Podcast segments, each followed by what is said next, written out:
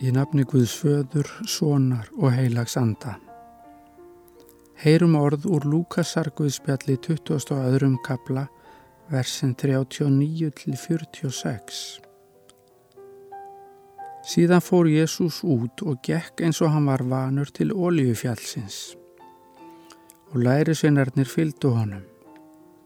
Þegar hann kom á staðin sagði hann við þá, byggjið að þið fallið ekki í freysni og hann vek frá þeim svo sem steinsnar, fjall á knið og baðst fyrir og sagði, Fadir, ef þú vilt, þá takk þennan kaleg frá mér, en verði þó ekki minn heldur þinn vilji. Þá byrtist honum engill af himni sem styrti hann og hann komst í dauðans ángist og baðst enn ákávar fyrir en sveiti hans varð sem blóðdrópar er fjallu á jörðina. Hann stóð upp frá bæn sinni, kom til læri sveinana og fann þá sofandi örmagna af hrigð. Og hann sagði við þá, hví sofið þið?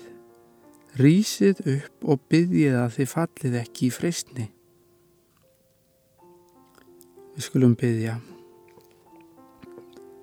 Kæri góði Jésús, ég þakka þér af hjarta að þú varst reyðubúin að líða og deyja fyrir syndir mínar og allra manna. Hjálpa mér að læra af þér þegar fristingar og lestir sækja að mér og beina huga mínum og orðum til þín í bæn um styrk. Hjálpa mér hver dag til að opna huga minn fyrir þér og leifa anda þínum að fylla mig og móta hugsun mína og atferðli. Kenn mér að byggja og fela mig þér á hverjum degi. Ég vil líka fela í þínar hendur alla þá sem mér eru kærir. Ég legg líf mitt í þínar hendur. Vertu Guð Fadir, Fadir minn, í frelsarans Jésu nafni.